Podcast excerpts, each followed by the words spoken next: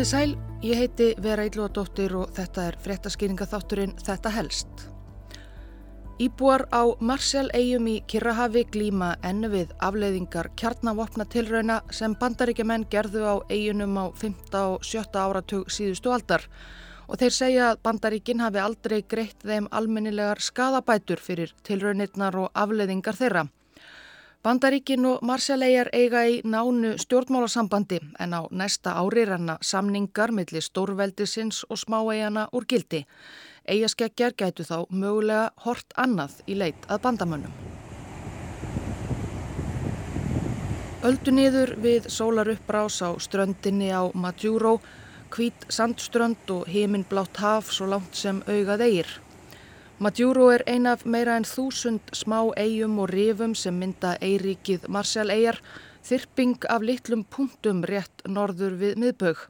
Það er 4000 km sikling í suðvestur að ströndu Queensland í Ástralíu og 5000 km norður til Filipsæja. Næstu nágrannar eru önnur smá eiríki eins og Kiribati, Náru og Mikronesia. Marsjallegar eru eins og fleiri eigjar á þessum slóðum engar lálendar, enginn þeirra rýs meira en 2 metra frá sjávarmáli að meðaltali. Marsjallegingum, það búa tæplega 60.000 manns á Marsjallegum, stendur því mikil okn af lofslagsbreytingum sér í lagi hækkun sjávarmáls. Áhrifa lofslagsbreytinga er þegar farið að gæta, flóð er orðin tíðari á eigunum og ef framfer sem horfir gætu þær á endanum sokkið alveg í sæ. En marsjaleingar glýma við meira en bara sjóin, annan ósýnilegan skadvald sem hefur herjað á þá áratugum saman.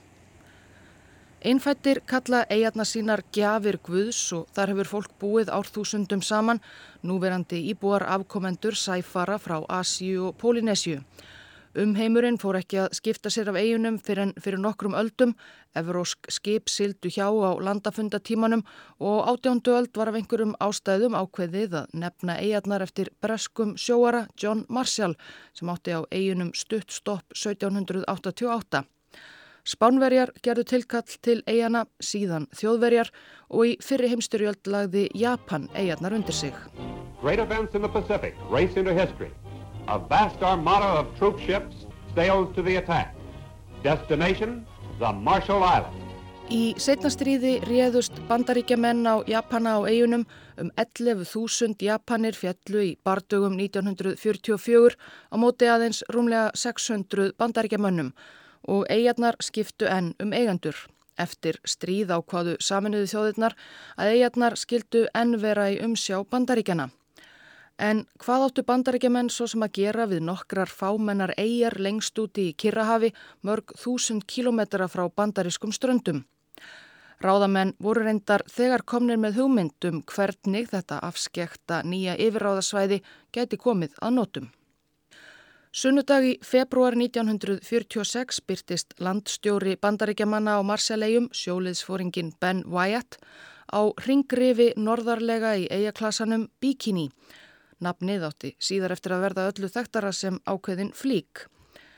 En Væjat sjóliðsfóringi ávarpaði íbúa bíkinni 167 talsins og tjáði þeim að þau öll yrðu að yfirgefa rifið sitt á meðan bandaríkjumenn gerðu þar tilraunir með kjarnavopn, mannkinni öllu til heitla og til að binda enda á heimstyrjaldir eins og hann orðaði það. Leðtogi bíkinni búa, konungur þeirra, hétt Júta, Hann réði ráðum sínum með fólkinu sínu og tilkynnti svo að þau væru til í að fara. Allt væri þetta í Guðs höndum. In the middle of the vast Pacific Ocean lies the tiny coral atoll of Bikini. It is here that Joint Army-Navy Task Force 1 will conduct the tests with the atom bomb. 1. júli 1946 varpaði bandarísk sprengjuflúel fyrstu kjarnorkusprengjunni á Bikini. Everything is in readiness now and at last the moment has arrived. Bomb away! Síðar í júli var annari sprengju komið fyrir neðansjávar í lóninu í miðju rifinu. 5, 4, 3, 2, 1... Þessar tvær sprengjur voru upphafið á umfangsmikilli tilrauna áætlun bandaríkjamanna á bikini og fleiri marsjalegjum. Frá fyrstu sprengjunum 1946 og fram til 1963 þegar bandaríkinn skrifuðu undir bann við kjarnavapna tilraunum annar staðar en neðanjarðar voru 67 kjarnorkusprengjur sprengtar í og við eigarnar. Nokkrum vikum fyrir tilraunirnar í júli 46 höfðu 167 íbúar bíkinni verið fluttir á annað rif til austurs, Rongerík. Þar bjó enginn Á Rongerík var lítið um drikjarvatn og nýtjajurtir og þjóðsugur um að þar byggju djöblar. Bandaríkja herr sendi bíkinni búa með einhverjar matarbyrðir en þær duguðu skamt. Ekki voru tveir mánuður liðnir frá flutningunum þegar flótafólkið var farið að svelta. Næstu árin voru bíkinni búar fluttir milli Ímissa eiga í vonum að þeir gætu fest rætur. Á meðan heldu kjarnavopna tilraunir áfram á eiginni þeirra. 1. mars 1954 sprengdu bandaríkjaman upplugustu sprengju sína hinga til á bíkinni til raun sem nefndist Castle Bravo. Sprengingin sásta langt að. Nerje Jósef var 7 ára og bjó á eigunni Rongelab, 160 km austur af bíkinni. 65 árum síðar gatt hún enn líst þessum morgni fyrir bladamanni Los Angeles Times. Þegar hún vaknaði og sá tvær sólir á himni, svo venjulega sem reys í austri og önnur sem byrtist í vestri og kvarfs og skömmu síðar. Nokkrum klukkustundum síðar fór að snjóa á Rongelab, en vita skuld var það ekki snjór sem fjell þarna rétt við miðbögg heldur geyslavirt ofanfall eftir sprenginguna. Fallout of the radioactive particle now begin for a period of 10 hours or more on the atoll's upper islands well above the lethal human dose. Vindurinn hafði blásið í aðeins aðra átt en veðurfræðingar bandaríkja hers gerðu ráð fyrir og ofanfallið fókið yfir byggðar eigjar. Það snjóaði á Rongelap tímunum saman. Ofanfallið brendi húð fólks og það fór að veikjast í hrönnum, seldi upp og misti hár.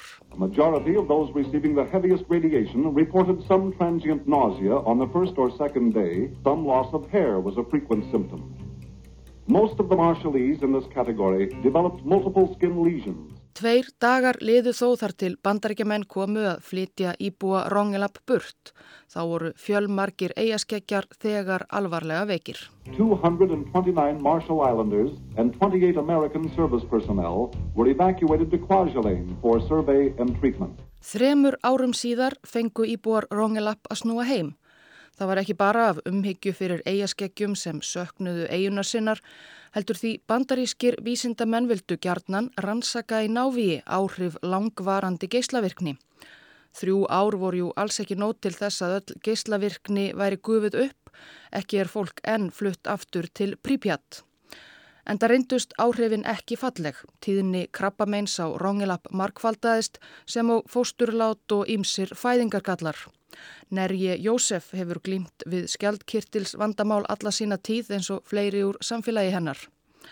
Íbúar Rongelap fóruloks fram á það 1985 að verða fluttir aftur af eigunni svo alvarleg voru helsufars vandamálinn sem herjuðu á fólk. Nerje Jósef yfirgaf eiguna sína þá aftur og hefur aldrei snúið heim. Rongelap var svo ekki eina eigan þar sem snjóaði eftir Bravo-sprengjuna 1954 og þar sem fólk glýmir við Ímis vandamálsökum geyslavirkni enn í dag. Marsjallegar hlutu sjálfstæði frá bandaríkunum 1979.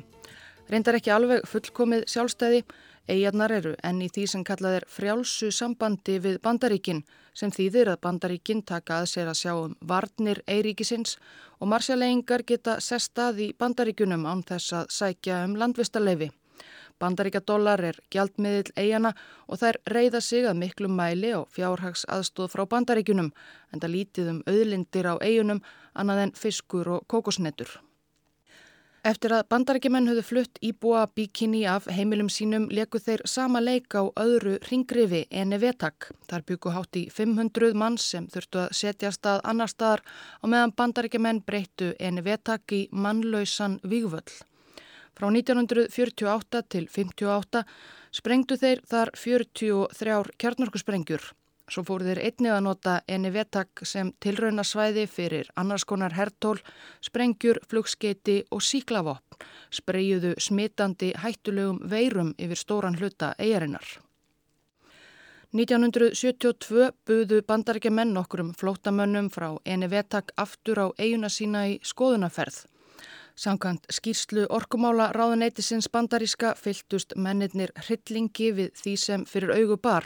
Þar sem eitt sinn höfðu verið blómlegir pálmaskóar þeirra var nú aðeins vindblásinn sandauðn og sundur sprengtar rústir hernaðarmannvirkja. Þegar bandaríkin skiluðu marsjaleigingum eni vetak skopluðu þeir geyslavirkum jarðvegi næri 90 miljón lítrum eða 35 ólimpíu sundlögum saman ofan í einn sprengjugígin og byggðu yfir kvolfþak úr steinsteipu. Kvelvingin eða gröfin eins og eigaskeggjar kalla hana rýs upp úr grænum gróðri eins og eitthvað mannvirki úr domstagskvikmynd en það eni vetak kannski staður sem þóla hefur mátt ígildi heimsenda. Og hér kemur hækkandi sjávarmál aftur við sögu, sjórin mjakar sér nú sífælt nær kvölvingunni.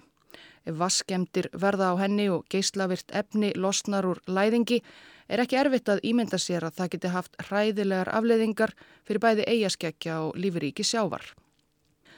Marsjalegar eru ekki ofarlega í bandarískri þjóðfélagsumræðu í dag. Bandaríkja menn margir þekkja kannski helst eigarnar því sagan segir að kjarnorkusprengjurnar á bíkinni hafi skapað hérna hryllilegu ófresku Godzillu. Jú og hinn ástsæla teiknumindapersona Svampur Sveinsson og vinir hans búa á botni geyslaverka Lónsins á bíkinni, útskýrir kannski margt í þeirra fari. En 1988 úrskurðaði alþjóðlugur domstóll að bandaríkunum bæri að greiða Marshall-eigingum 2,3 miljardar dollara í bætur fyrir heilsu og eignatjón vegna kjarnavapnatilrauna. Bandaríkja þing neytaði að virða niðurstöðuna og samkvæmt útækt Los Angeles Times hafa bandarísk stjórnvöld einungis greitt um fjórar miljónir dollara í skadabætur hafa stjórnvöld á Marsalegum gert ítrekkaðar tilraunir til að sækja frekari bætur frá bandarækjamönnum og það verður sífelt brínara. Áköll Marsalegginga um aðstóð vegna kvelvingarinnar á eni vetak hefur einnig fallið fyrir döfum eirum í Washington. Bandarísk stjórnvöld vilja meina þar sem eigarnar eru nú orðnar sjálfstætt ríki sé kvelvingin á þeirra ábyrð. Fáránlegur raukstuðningur finnst Marsal eigingum sem kvorki byggðujú kvelvinguna nýja bera ábyrð á þeim geyslavirka úrgangi sem í henni kvílir. Bráðlega gefst Marseilleingum tækifæri til þess að ítreka óskir sínar við bandarísk stjórnvöld. Fyrsti samningur bandaríkjana og eigana um frjálst samband rennur út 2023 og fyrirhugað að hefja samningaviðræður um endurníun hans síðar á þessu ári. Marsjaleingar hafa eitt tromp á hendi, keppinaut bandaríkjana um áhrif í Kirrahafi.